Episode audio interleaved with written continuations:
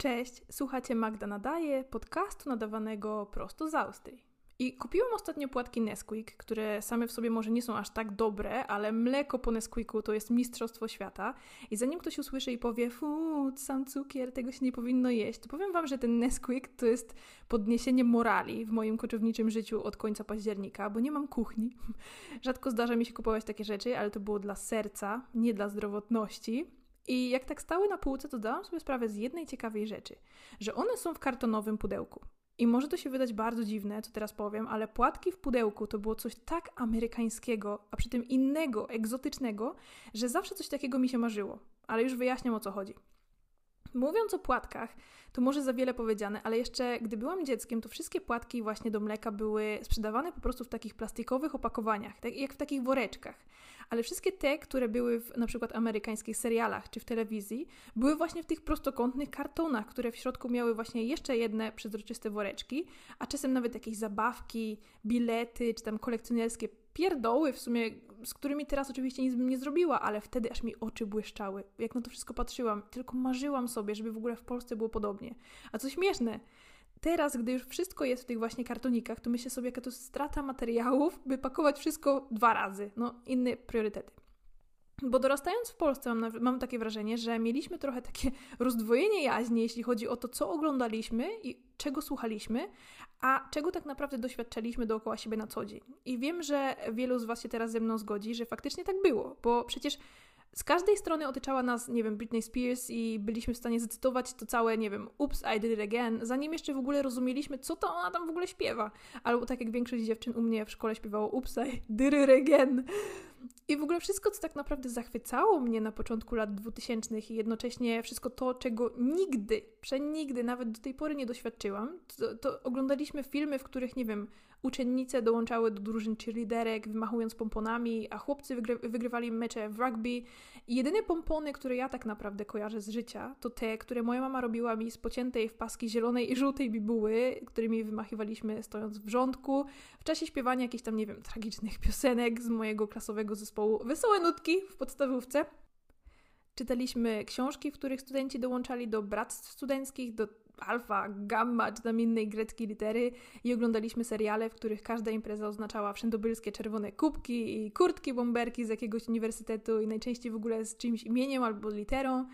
Albo pojawiały się też przepiękne mundurki właśnie, których studenci nienawidzili, a które w naszych dziecięcych oczach wyglądały nie tylko przepięknie i właśnie modnie, ale też były jakimś takim nieosiągalnym amerykańskim artefaktem co najmniej bo jedyne mundurki, z którymi ja miałam styczność, to były te przeobrzydliwe, zielone kamizelki w ogóle z pomysłu Romana Giertycha, które pojawiły się wtedy na rok i były nie tylko stratą pieniędzy, ale też jakąś w ogóle modową abominacją, bo ani wcześniej, ani później w życiu nie byłam zmuszona do zakładania czegoś równie bezkształtne, bezkształtnego o kolorze, nie wiem, zgniłego liścia.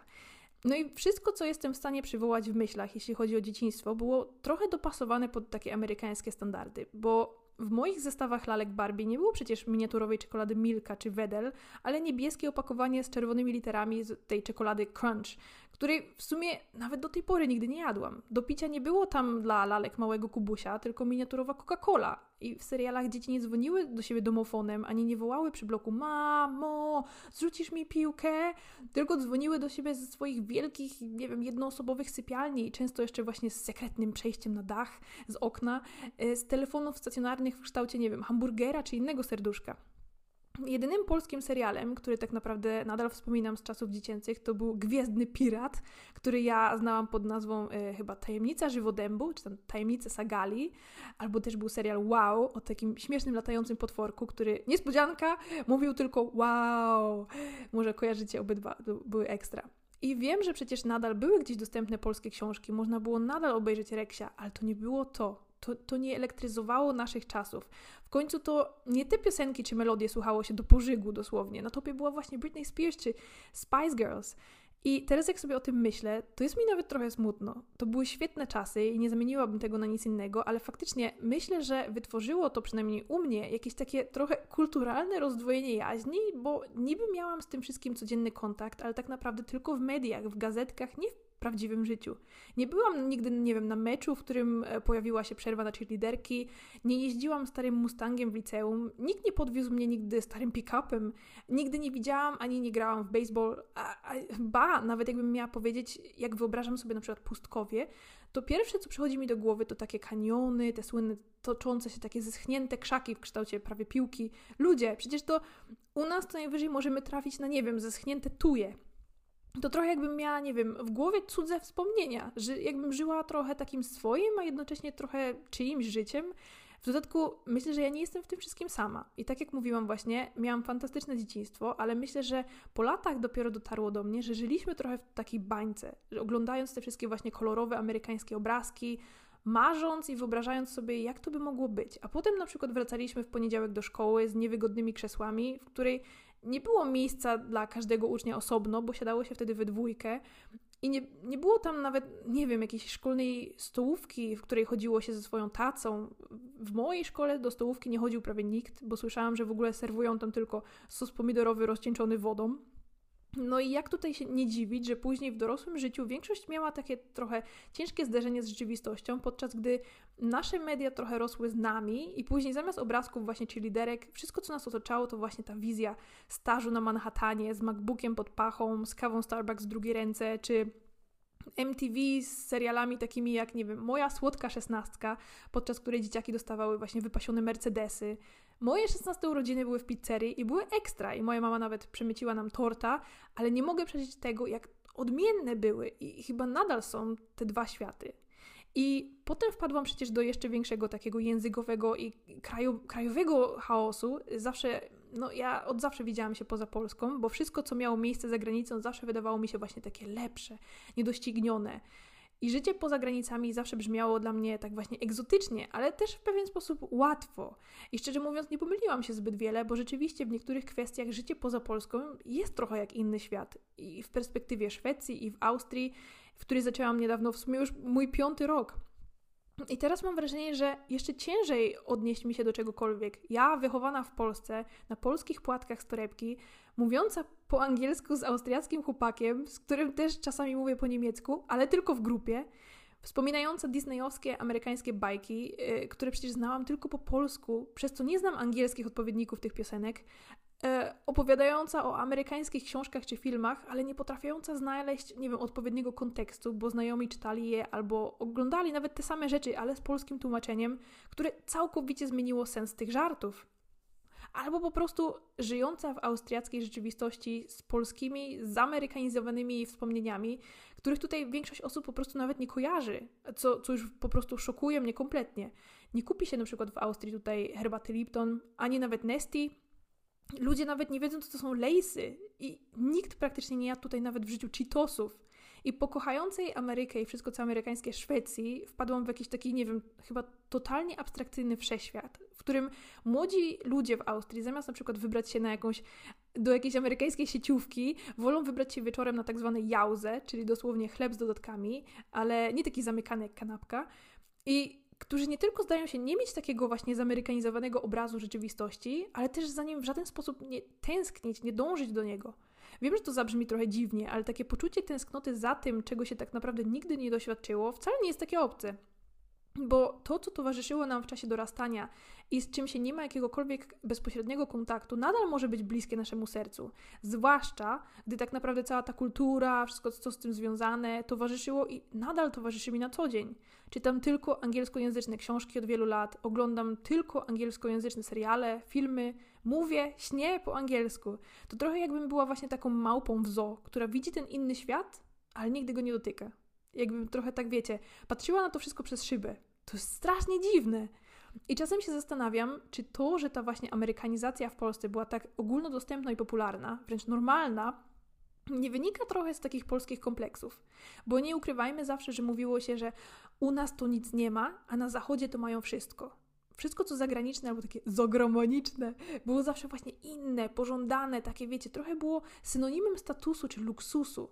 U mnie na przykład w klasie nikt nie nosił lewisów. Mało kto w ogóle miał jakieś, nie wiem, amerykańskie, oryginalne marki, a w filmach mieli, za granicą mieli. Może właśnie trochę chłonęliśmy to wszystko dlatego, że po prostu też tak chcieliśmy. I to nam dawało taką namiastkę. I może dlatego właśnie tutaj w Austrii było inaczej. Bo zawsze jak o czymś opowiadam, o czymś na przykład z dzieciństwa i mówiłam na przykład, że o, to albo tam, to tak mi się podobało, albo o, zawsze o tym marzyłam, a to w Ameryce takie mieli. To przysięgam, za każdym razem dostawam takie dziwne spojrzenia i odpowiedź, że na przykład nie, oni by tak nie chcieli, że tam w tej Ameryce wcale tak się łatwo nie żyje, a że wszystko to jest przesadzone i rozdmuchane. I to mnie tak zdziwiło i zaskoczyło. Ta właśnie ta pewność, pewność, nie wiem, tak swojego kraju, ta wiedza, że na przykład tu było i jest nadal lepiej. I może dlatego oni mieli właśnie oni tutaj mieli te wszystkie zestawy Lego, na które my patrzyliśmy w katalogach, bo one się nie pojawiały w Polsce. Może przez to, że oni właśnie mieli trochę więcej niż my. Może dlatego nie wzdychali do tego tak jak tej takiej lepszej zagranicznej wersji.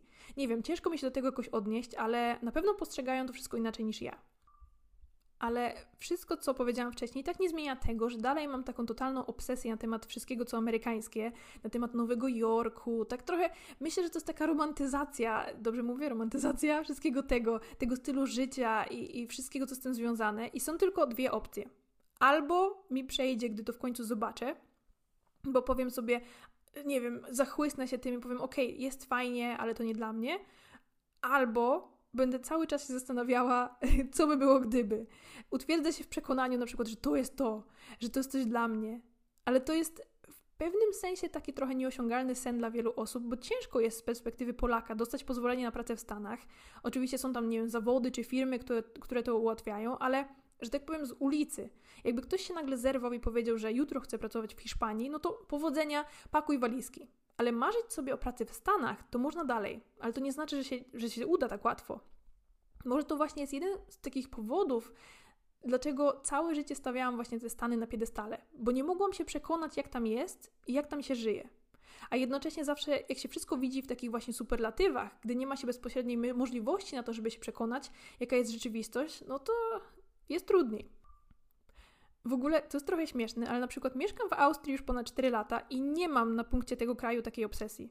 Nie oglądam z uporem maniaka, nie wiem, austriackich czy tam niemieckich filmów. Szczerze to chyba nawet nie widziałam żadnego.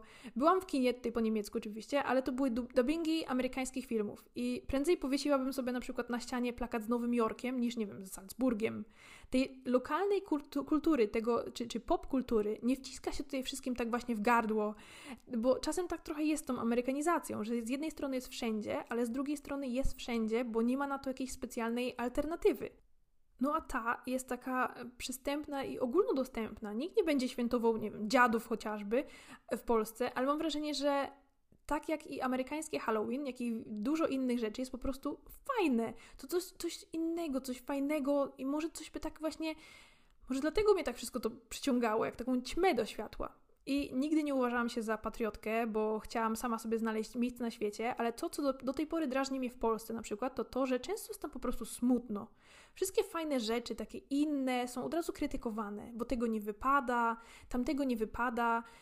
No, ale że po co w ogóle to świętować, czy, czy ozdabiać, czy cokolwiek robić, bo to jest nie nasze, to jest czyjeś, zagraniczne. I paradoksalnie, bo tak zaamerykanizowanym w wielu przypadkach wychowaniu krytykuje się to, co nie jest nasze, ale jak mamy oszaleć na punkcie, nie wiem, robienia wianków, gdy nigdy nas tego nie uczono w szkołach, w szkołach. Nigdy nie robiło się z tego jakiejś wielkiej szopki, nie wiem, nigdy nie było o tym w filmach, serialach, które byłyby wszędzie dostępne. To tak jakby mówić dziecku, tego nie wolno, nie, bo nie. Dlatego, e, chociaż już tam nie mieszkam, to cieszył mnie przez pewien czas taki trochę właśnie powrót tego polskiego ducha, gdy jakiś czas temu polskość odrobinę wróciła do mody, tak na chwilę, może pamiętacie. Były takie właśnie koszulki z polskimi motywami, rozpromowane, e, różne jakieś tam spódniczki jakby góralskie i to był hit. Tego wcześniej przecież nigdy nie było.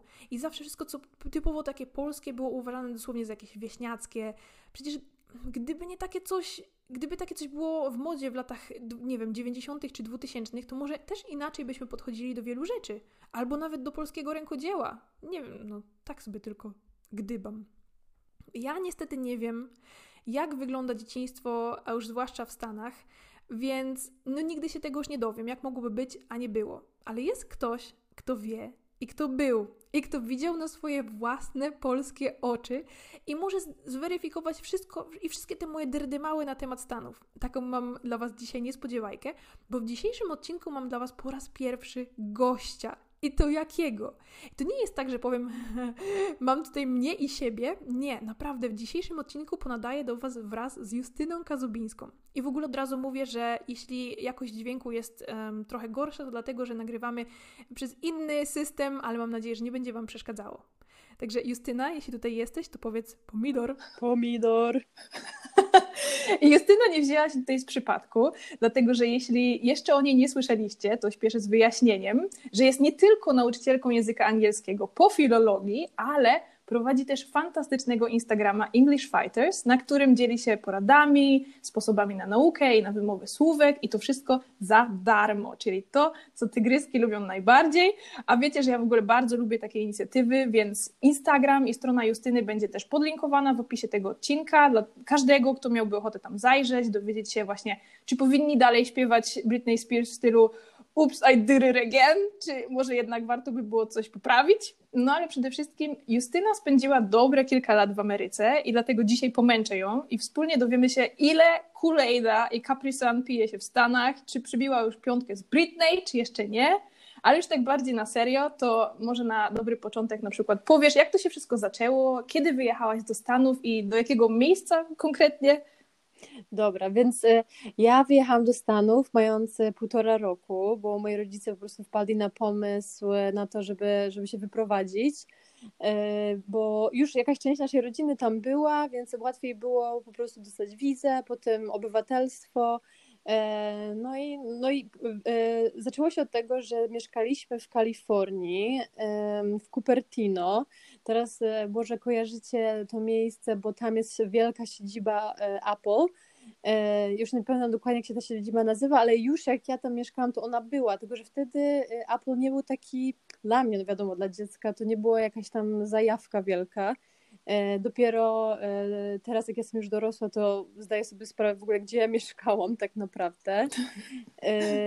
No i co? No, my mieszkaliśmy na początku w takim małym, małym Boże, jak to, to jest takie osiedle, wiecie, takie typowe amerykańskie osiedla, tylko że to było wtedy dla takich low, e, Boże, jak to się nazywa? W każdym razie dla, dla, dla, dla takich, którzy mieli małe dochody. Więc wiadomo, jak to jest na emigracji. Moi rodzice tam e, sobie dorabiali, jakoś tam, próbowali sobie poradzić. E, potem przeprowadziliśmy się też w te okolice. W ogóle to jest, to się nazywa Santa Clara County. I cały czas bazowaliśmy w ogóle w Kalifornii.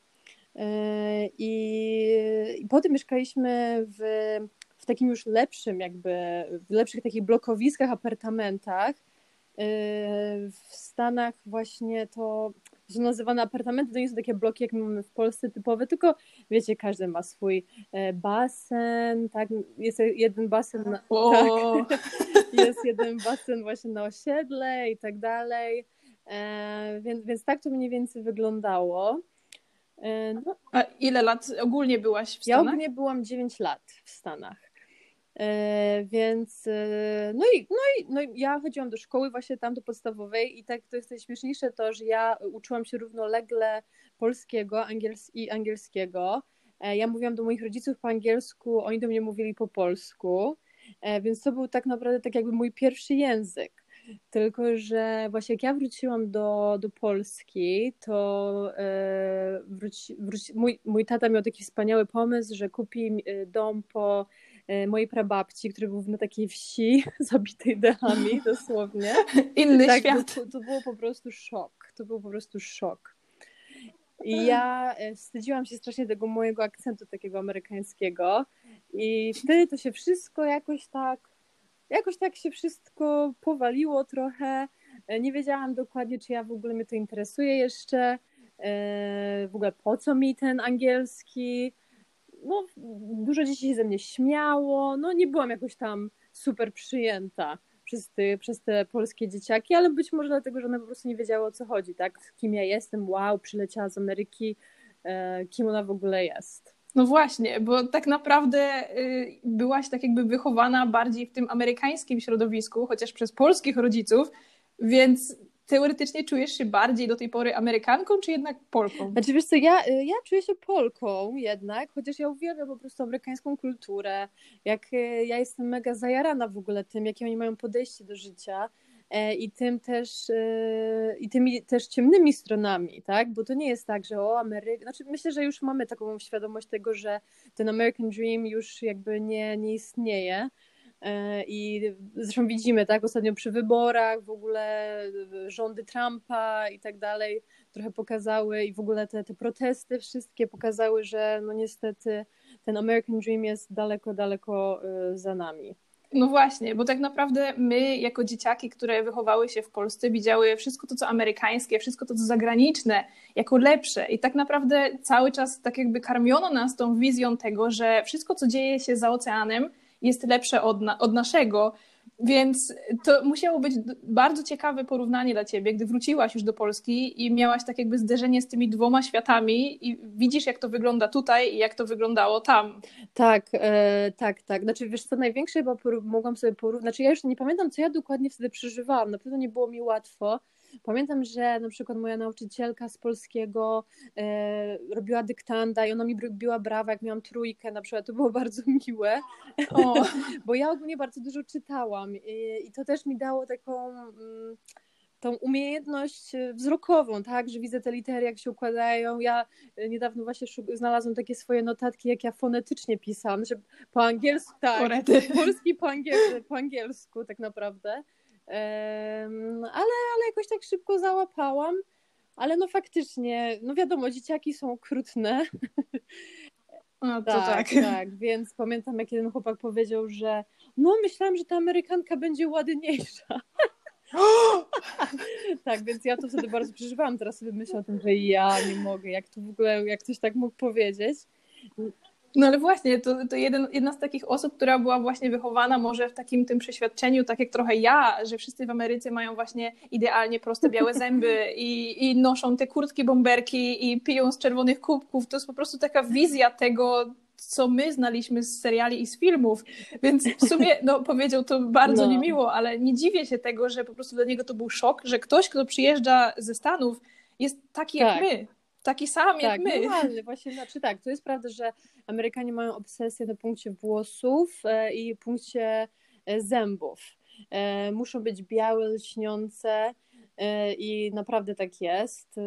To, to jest taka oczywista oczywistość dla nich, tak, że te zęby muszą być piękne i ogólnie taka schludność, tak, i to, i to się sprawdza. To się sprawdza nawet jak oglądam jakieś amerykańskie seriale, to ja widzę to jednak, tak, że, że są inaczej, że są ubrani normalnie, ale jest to czyste po prostu w jakim, jakimś tam sposobem. No i co? No i, ale dużo rzeczy się faktycznie zgadza, tak? Y, właśnie te czerwone kubeczki, albo e, to, że są właśnie mean girls, tak? Że jest team takich e, dziewczyn, które rządzą, albo ogólnie ci, którzy uprawiają e, futbol, albo w ogóle sportowcy, tak? Że są tacy hypowani, a, a że są ci, że są nerdy i tak dalej, więc, więc to się wszystko zgadza ale chyba myślę, że to jest normalne i to jest w każdej szkole i to nie chodzi tylko o, o, Stany, ale właśnie tak jak porównuję sobie to, jak przyjechałam do Polski, to też była grupka takich, wiecie, super, super osób i takich wannabe, więc, yy, więc to chyba jest po prostu. To, to chyba jest tak w tak. każdej szkole, tak mi się przynajmniej wydaje, chociaż myślę, że to nie jest aż tak może popularne albo takie znane zjawisko, jak właśnie to, co widzimy w amerykańskich filmach. Tak mi się przynajmniej wydaje. No, u nas nie gra się w baseball, u nas cheerleaderek nie ma i nie mają takiego statusu mm -hmm. może. Ale z drugiej strony właśnie tak jak myślę o twojej wyprowadzce za granicę, bo pojechałaś tam jako dziecko, więc nie masz takiego doświadczenia, jak to jest pojechać tam, ale z drugiej strony na przykład um, ja, moje jedyne doświadczenie właśnie w wyprowadzce za granicę, to już było jako prawie taka dorosła osoba, która chciała wyjechać, która mówiła po angielsku. I ten moment pamiętam, w którym na przykład siedziałam sama w samolocie z dwoma walizkami i z plecakiem, dla mnie był dość szokujący, bo wszystko było takie nowe i na przykład nowy system nauczania też, chociaż ja już byłam dorosłą osobą, tak jak mówię, więc rozumiałam to, że tam będzie inaczej, więc to było ekscytujące, ale też takie na przykład przerażające mhm. w jednym. Więc nawet nie jestem sobie w stanie wyobrazić, jak to musiało być w Twoim przypadku, bo przecież na, tak naprawdę ta decyzja o powrocie nie należała mhm. do Ciebie.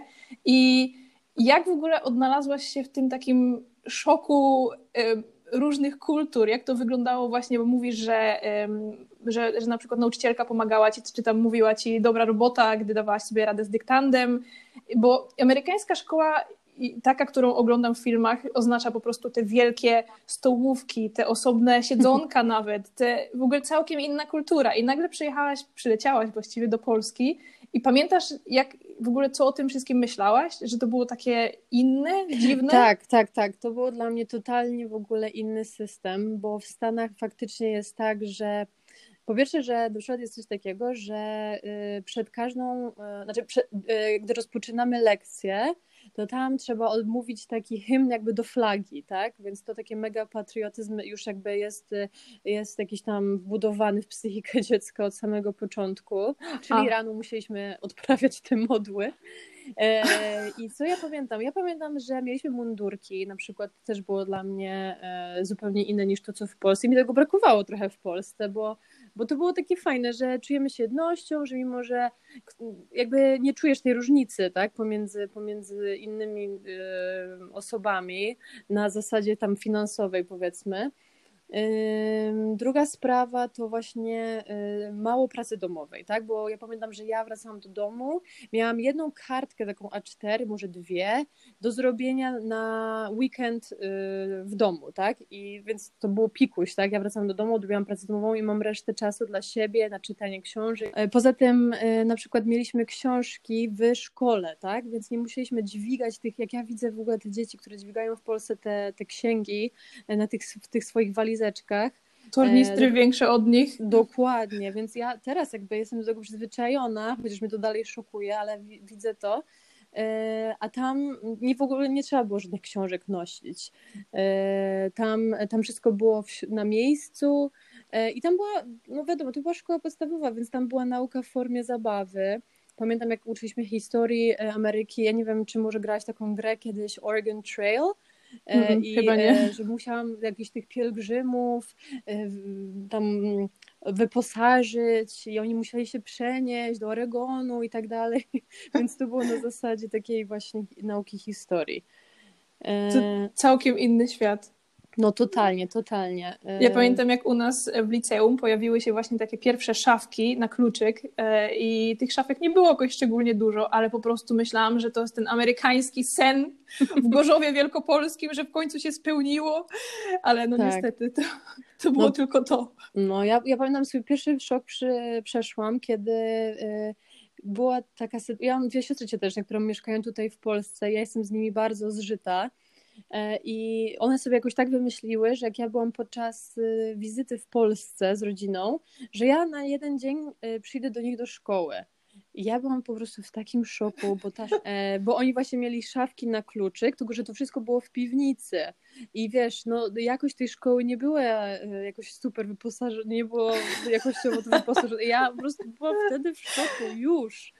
Zresztą moja, w mojej szkole też szatnia była w piwnicy ja byłam, ja byłam w mega szoku. Ja pamiętam jeszcze ze swojego dzieciństwa właśnie, że um, jeśli u nas w każdej łazience było mydło, no, to, tak. to było coś. Tak, no właśnie też te, te łazienki, to, no to było wszystko dla mnie szokujące, bardzo, bardzo.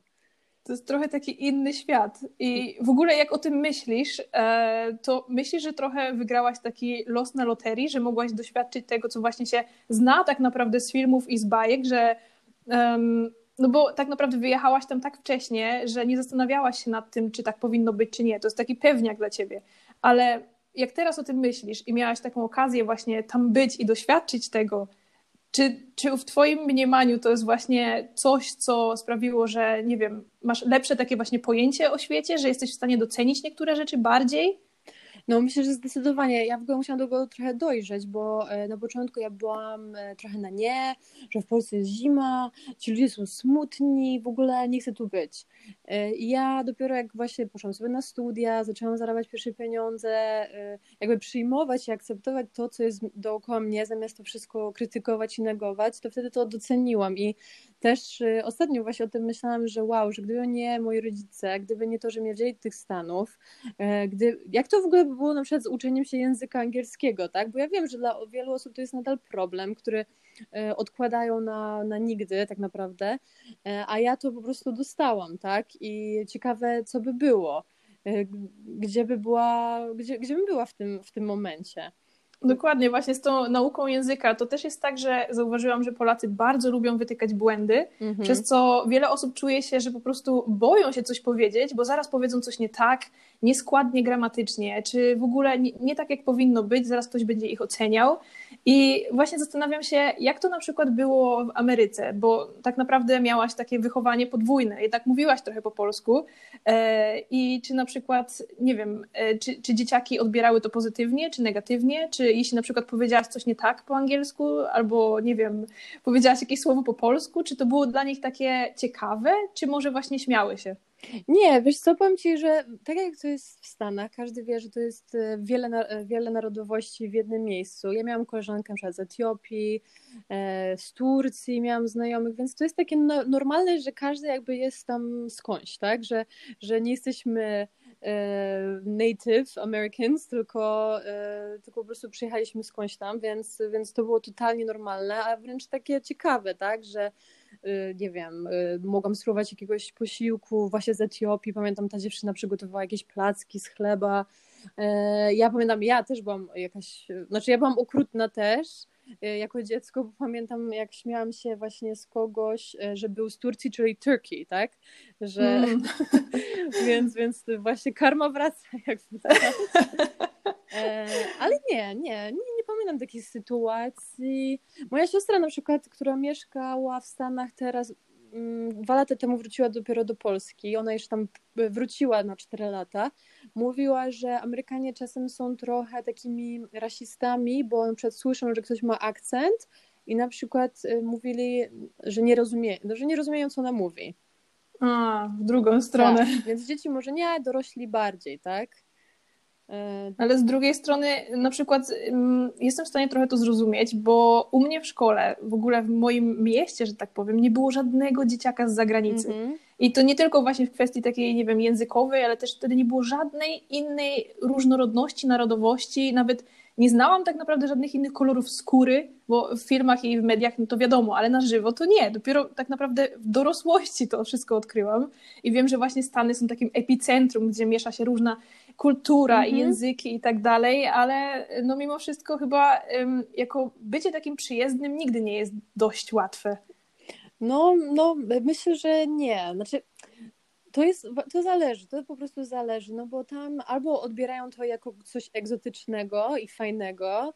E, właśnie moja siostra mówiła, że szczególnie amerykańskie dziewczyny lubią e, facetów, którzy są z Europy, że to jest takie wow. E, a niektórzy no właśnie są trochę, trochę rasistami po prostu, tak? I nie akceptują właśnie żadnego akcentu nawet wśród, y, pomiędzy Stanami, tak? Jeżeli ktoś ma inny akcent y, i przyjeżdża, to właśnie moja rodzina teraz bazuje w, czy jest w Las Vegas, więc, y, więc tam czasem, czasem widziała, jak, jak się zachowują, tak? Że ktoś nie mówi takim czystym amerykańskim. To aż nie do pomyślenia wręcz. No, to prawda.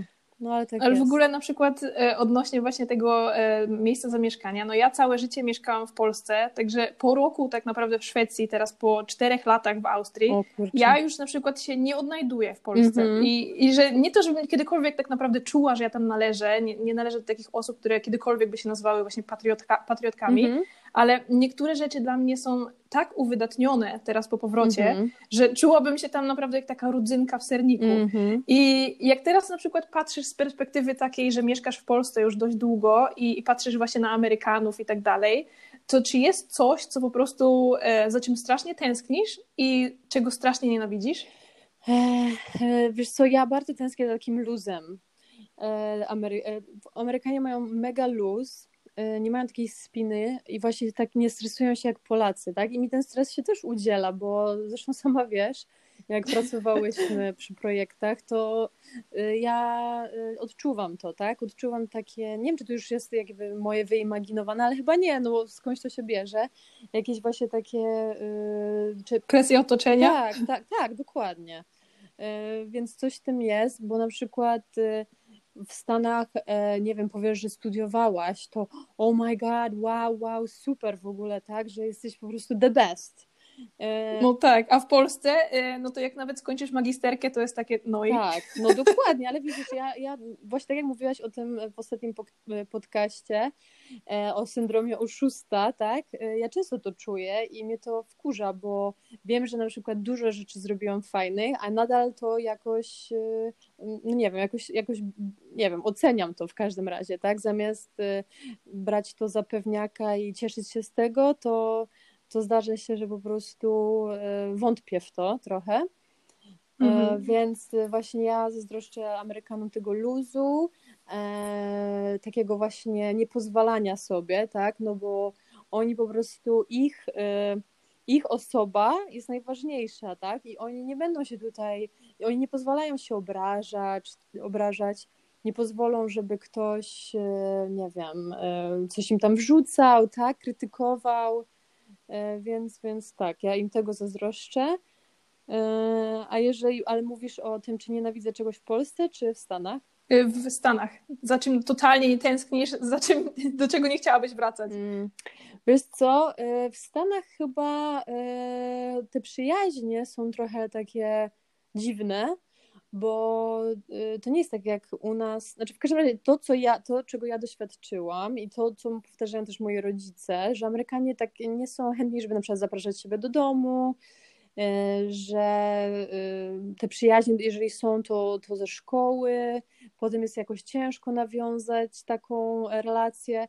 Myślę, na studiach mój profesor dobrze porównał Polaków i Amerykan do do owoca, czyli Polacy są jak e, kokos, czyli ciężko się tam wbić, ale jak już się wbijesz, to jest super, a Amerykanie są jak brzoskwinia, czyli tacy super e, mięc, e, znaczy ta struktura jest miękka na zewnątrz, a w środku jest ta pestka, przez którą się nie przebijesz, no bo jest ciężko. Dobre porównanie. Tak, tak.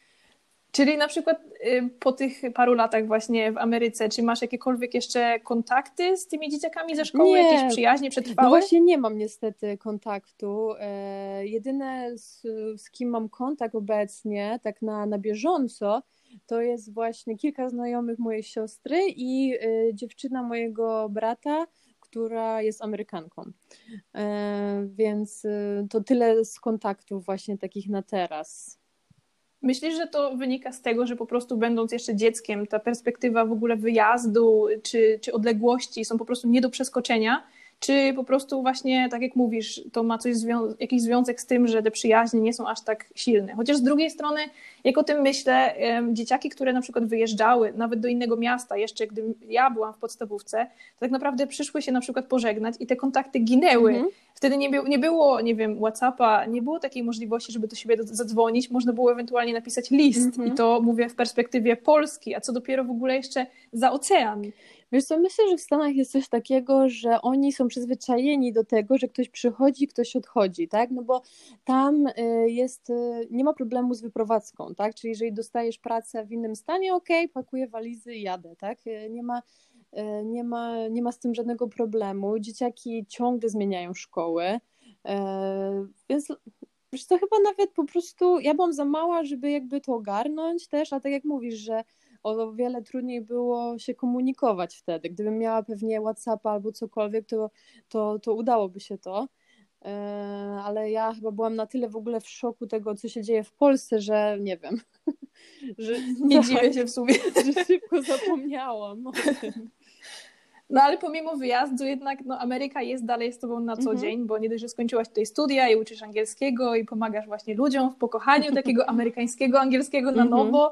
Czyli z jednej strony jesteś trochę fizycznie w Polsce, ale mentalnie chyba tak trochę pół na pół, bo domyślam się, że tak jak ja, na przykład jednak wszystko, co pochłaniasz na co dzień, mówię tutaj o serialach, filmach, nie wiem, książkach, no chyba jest po angielsku. Tak, zdecydowanie, zdecydowanie. Ja w ogóle uwielbiam czytać o Stanach, oglądać właśnie, ja na przykład teraz, e, teraz jest taki szał na The Crown.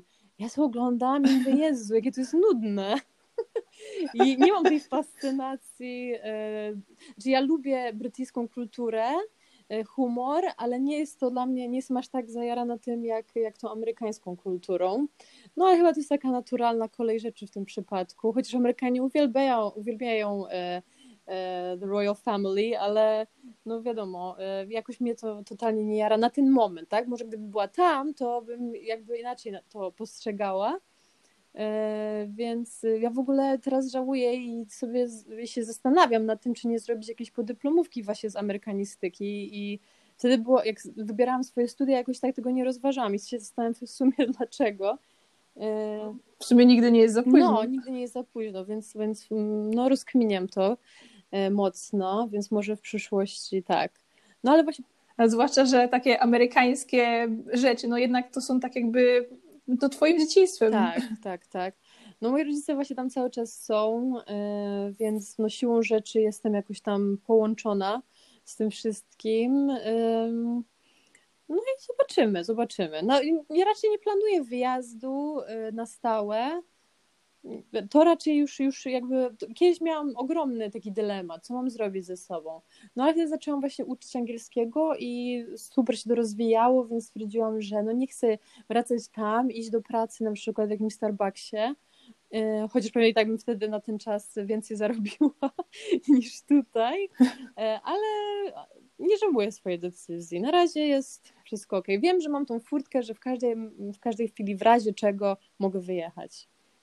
Myślę, że to jest bardzo ważne, bo na przykład w wielu przypadkach, tak jak na przykład w moim przypadku, ta wizja właśnie życia w Ameryce, ogólnie Ameryki, to była jak taki sen, który się nigdy nie spełni, dlatego że nie jest łatwo tam wyjechać właśnie dla osób, które nie mają na przykład, nie wiem, rodziny, które nie mają jakichś takich połączeń, czy też na przykład nie są w jakichś firmach, które oferują na przykład taki transfer, więc taka możliwość i, i, takie porównanie wydaje mi się jest bardzo przydatne, dlatego że nigdy nie doświadczając tego, czym jest Ameryka tak naprawdę, to w mojej głowie i w głowach wielu innych osób to urasta do rangi po prostu niesamowitej, -hmm. że dla nas to jest jak po prostu właśnie ten cały American -hmm. Dream, gdzie wszystko jest możliwe i te stereotypy dla nas, które są powielane na przykład w filmach, gdzie ktoś na przykład idzie sobie właśnie z MacBookiem pod jedną pachą i z, z kawą Starbucks i, i odbywa staż na przykład w najlepszych możliwych miejscach w Nowym Jorku.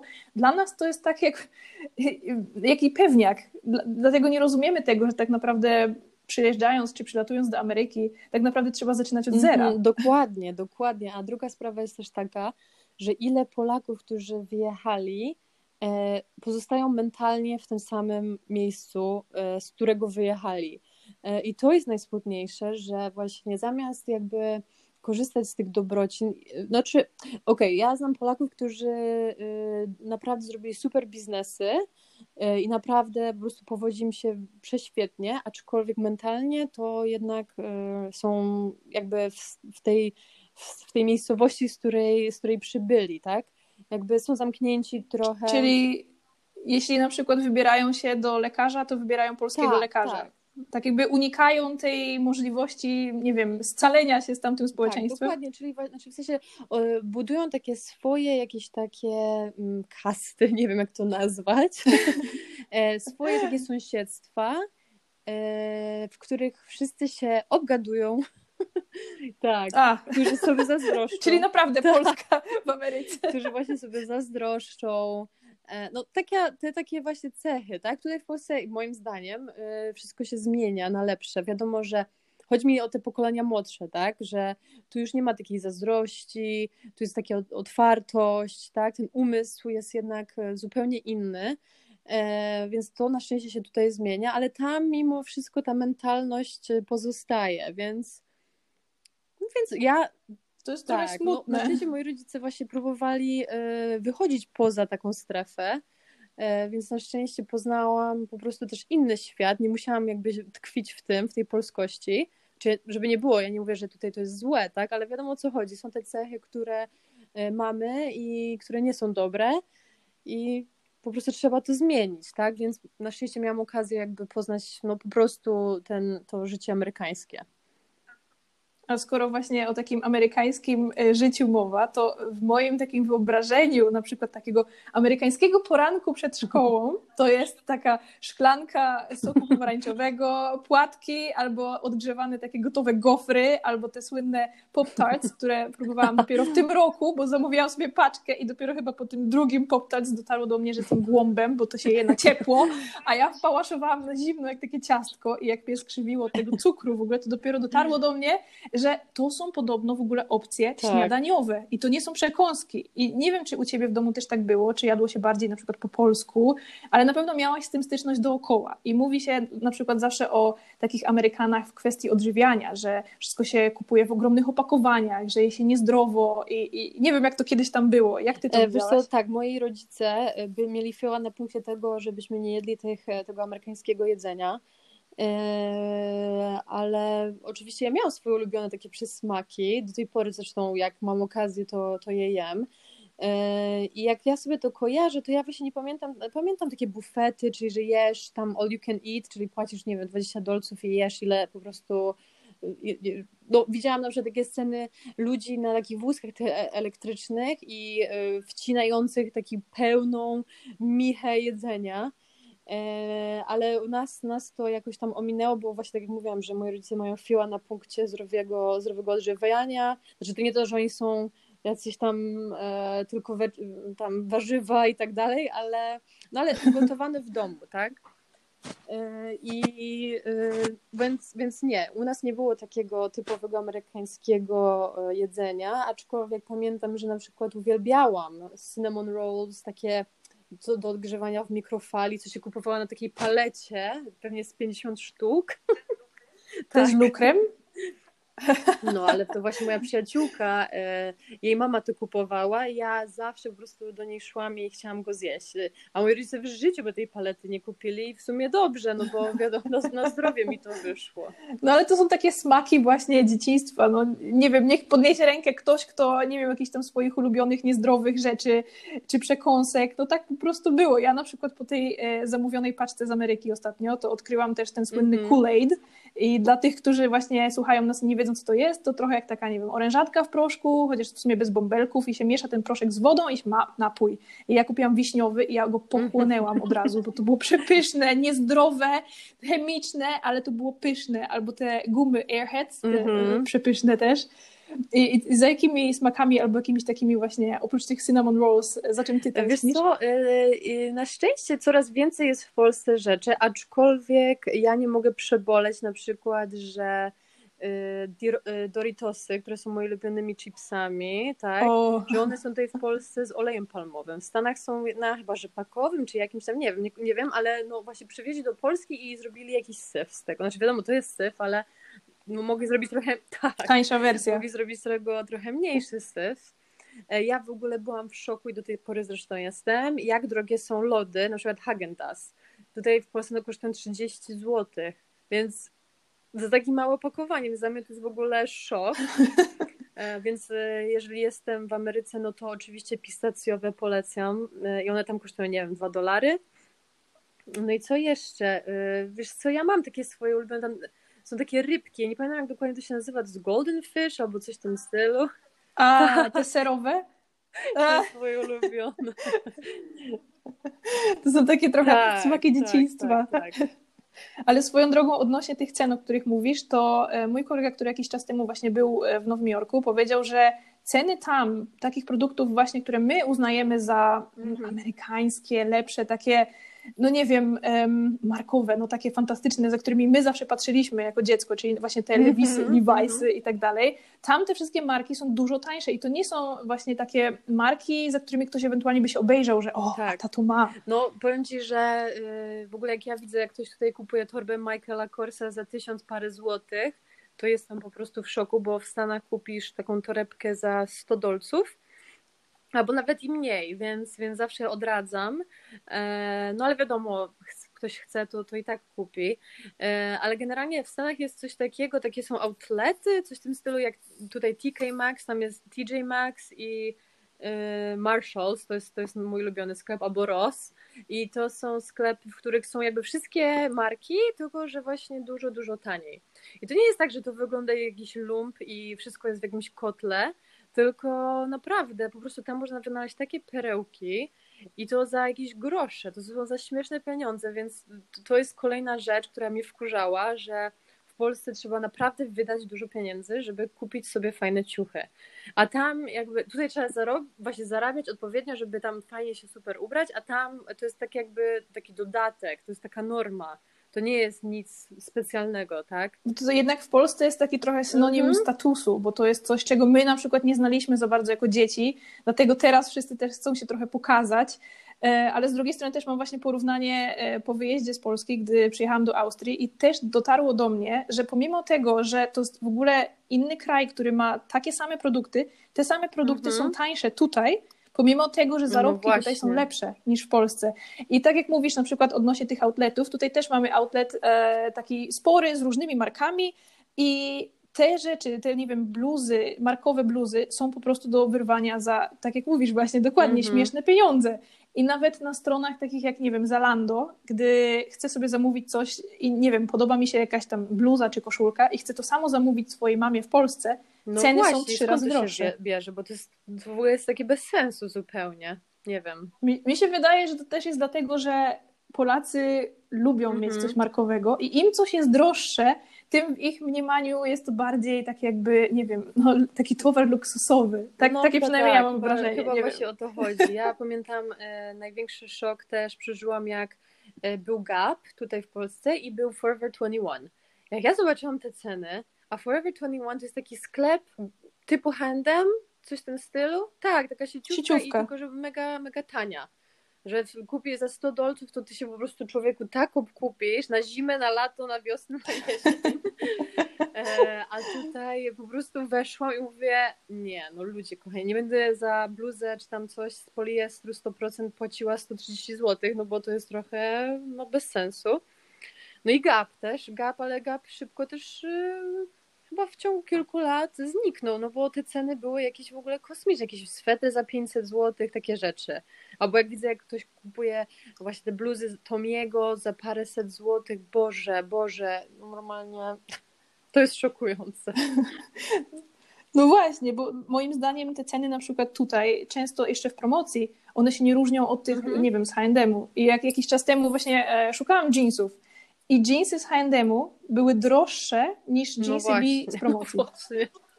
Dla mnie to jest nie do pomyślenia. Ja też jeszcze jestem taka trochę pół na pół, no bo jednak żyję tutaj, ale jednak pamiętam no i wiem, jaka jest polska rzeczywistość, dlatego czasem aż sama nie wierzę w ogóle, jak no. to jest możliwe. Ale e, no już tak na koniec, mm -hmm. bo trochę się rozgadałyśmy, bo mogłabym tak pytać i pytać bez końca. E, także jeszcze o tych na przykład stereotypach w Ameryce. Czy, czy mogłabyś coś zdecydowanie określić jako prawdziwe? Bo e, czy albo coś, co jest w ogóle wyssane z palca i tylko powielane w firma, filmach, mm -hmm. a co nie ma mhm. miejsca naprawdę. Tak jak na przykład ja widzę w filmach na przykład o Austrii, że wszyscy mieszkają w górach i jodłują, czego ja na w życiu nie widziałam. I jak to jest z Ameryką? Hmm, wiesz co, no jak w ogóle jest śmieszne, bo ja mam jedną lekcję taką um, o stereotypach um, amerykańskich i jak um, czytałam o nich, no to wiesz, w każdym jest odrobinę prawdy. Nie ma takiego stereotypu, że totalnie jest nieprawdziwy. E, no, jeżeli, jak myślę o stereotypach, no to co, że Amerykanie są grubi, albo że są po prostu głupi, albo że nie wiem, że są hamscy wręcz, też czytałam o czymś takim. Odnośnie jeszcze tak ci przerwę, e, odnośnie tego, że Amerykanie są głupi. Zawsze mnie to śmieszy, bo e, zawsze jest przytaczany przykład typu, że oni nie wiedzą, gdzie na mapie jest Polska ale ja nie mam pojęcia, gdzie no na mapie no jest właśnie, jakiś no stan. No właśnie, o to chodzi, dokładnie, dokładnie. E, a to nieprawda, bo e, jak ja rozmawiałam, do tej pory pamiętam, że z każdym Amerykaninem, z którym się przywitałam, ktoś zapytał mnie skąd jestem, Poland, no to wiedzieli, tak, że o, że w Europie na przykład, tak, może nie dokładnie, e, więc, więc to nie jest tak. Jedna moja znajoma, która przyleciała tutaj do Polski, na, no tam na wakacje, e, mówiła, że tak, że ktoś myślał, że są tu, że w Warszawie przed niedźwiedzie chodzą po, po ulicach, tak? To kiedyś jeszcze był taki przykład dobrze znany, że gdzieś w jakiejś e, chyba amerykańskiej książce do historii był przykład właśnie polski, zdjęcie bloku i obok tego pole. Wiesz co, nie, nie wiem, czy to kojarzysz. No, no, jest to prawdopodobne, tak. więc, y, więc to jest trochę krzywdzące, no bo wiadomo, jak to jest, tak? Są tacy i są tacy, no po prostu. Są grubi, ale są też z kolei bardzo wysportowani też aż do przesady, tak? że albo mają bardzo zdrowy tryb życia, albo bardzo niezdrowy. To zależy po prostu. A jakbyś miała na przykład tak um, poradzić komuś, kto tak cały czas właśnie jęczy, jak ja, na temat tej Ameryki, powiedziałabyś, że jednak warto na przykład wyjeżdżać, warto odnale odnaleźć siebie właśnie gdzieś tam w Stanach, czy jednak łatwiej jest um, mieć takie proste, normalne życie Wiesz co, powiem Ci, że warto, bo to jest, ja zawsze mówię, że to jest w ogóle inna, inna galaktyka, tak, że to trzeba zobaczyć, bo tego się nie da opisać słowami, jak, in, jak inny jest ten kraj e, od naszego, czy w ogóle od Europy, tak? No bo na pewno każdy był gdzieś tam w Europie, e, więc ma, nie ma aż takiego e, szoku kulturowego jak w Stanach i wiem, że wszyscy których znam i byli w Ameryce, byli zachwyceni i bardzo chcą wrócić, tak? I mówią, że gdyby mieli gdzieś mieszkać, e, to w, Ameryce, tylko że właśnie wśród Amerykanów, tak? Nie, nie, nie tam wśród może Polaków. I tak, więc polecam, polecam jak najbardziej, żeby, żeby się przekonać, dlatego zawsze jak mam jakiegoś ucznia, który jest poniżej trzydziestki, e, mówię im, e, żeby pojechali na taki program Work and Travel, czyli na pół na trzy miesiące chyba jedzie się pracować i potem ma się miesiąc na zwiedzanie Stanów. Ja słyszałam o tym no, programie. Mega, Dużo mega. Ja właśnie opinii. wszystkich do tego namawiam, bo to jest, no trzeba, właśnie zresztą tak jak ty mieszkasz za granicą i masz inną perspektywę, to zmienia wszystko tak naprawdę, całe postrzeżenie na, na życie. To prawda i to w sumie nie muszą być nawet jakieś wielkie takie szoki kulturowe, bo tak naprawdę jestem cały czas w Europie i byłam w Europie i to się nie zmieniło, ale czasem po prostu takie podejście do życia, nawet tysiąc kilometrów dalej od Polski, no, jest zupełnie inne. Dokładnie, nawet wiesz, ja teraz, y, ja mieszkam, nawet właśnie tak lokalnie, ja mieszkam w Warszawie, teraz mieszkam y, u, w miejscowości mojego chłopaka i też jest po prostu, to jest szok kulturowy. I to jest to samo ten sam kraj. Ale tak jest. Ja teraz też się właśnie niedawno przeprowadziłam i dla mnie, ja jestem miastowa i gdy tutaj na przykład wyszłam sobie na spacer i ludzie mhm. po prostu się witają, to, to jest dla mnie taki szok. Przecież ja tych ludzi nie znam, ja nawet nie wiem, gdzie tak. oni mieszkają. To nie są moi sąsiedzi. Tak. Po prostu mówią no, hello, tak. hello. W Stanach właśnie no. to jest fajne, że wychodzisz i każdy mówi hej, hi, good morning, to jest takie urocze, bo jakby czujesz się zauważony, tak, że bezpiecznie, bo gdyby coś ci się stało, to ktoś zareaguje. Ja pamiętam właśnie miałam taką stłuczkę tutaj w Polsce, że e, jechałam rowerem, e, jakaś babka po prostu mnie stuknęła. E, I jedyna, jedyna osoba, która mi pomogła, to był człowiek właśnie, z, nie wiem skąd oni byli, ale mówił po angielsku, więc oni byli Polacy, a Polacy stali się na mnie patrzyli. I właśnie tego brakuje takiego, takiego, takiej wspólnoty trochę wtedy, bo teraz, tak jak właśnie mówię, że to się zmienia też, ale czegoś czegoś mi brakowało i właśnie pamiętam, że jak byłam w Stanach na e, trzy miesiące popracować, jak już byłam dorosła i wróciłam i stałam w metrze, byłam taka szczęśliwa, taka uśmiechnięta i w ogóle poszłam na uczelnię i zagaduję do ludzi i tak mówię, dobra, hej, muszę się uspokoić. To, A to czegoś się szczerzy? No. Ale przynajmniej wiedząc to, jesteś w stanie właśnie trochę przynieść tej amerykańskiej mentalności do Polski. Myślę, że to też jest duży plus. Jednak mając jakiekolwiek, jakąkolwiek styczność tak naprawdę z y, innymi kulturami, z życiem za granicą, z mieszkaniem, nieważne jak długo, tak, tak. to zawsze no, jest ja plus. myślę, że dystans, tak?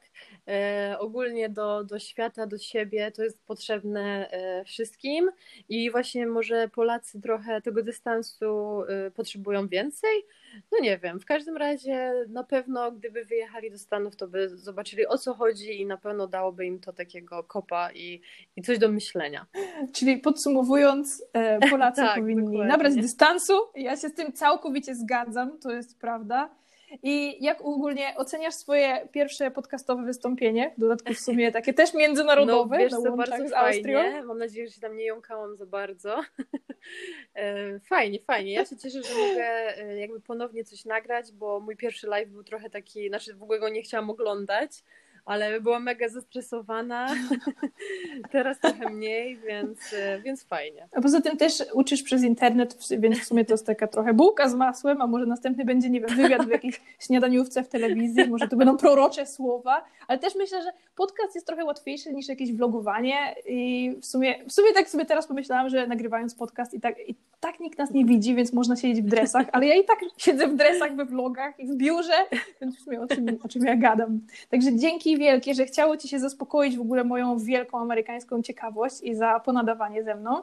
I też um, przypominam wszystkim słuchaczom, że wszyscy ci, którzy chcą dowiedzieć się czegoś więcej na temat tego, czym Justyna dzieli się w internecie na co dzień, a dzieli się różnościami, to wystarczy zerknąć na englishfighters.pl albo na jej Instagram o tej samej nazwie English Fighters i a w ogóle skoro to pierwszy odcinek, w którym miałam jakiegokolwiek gościa i to jakiego, to musi też się zakończyć wyjątkowo.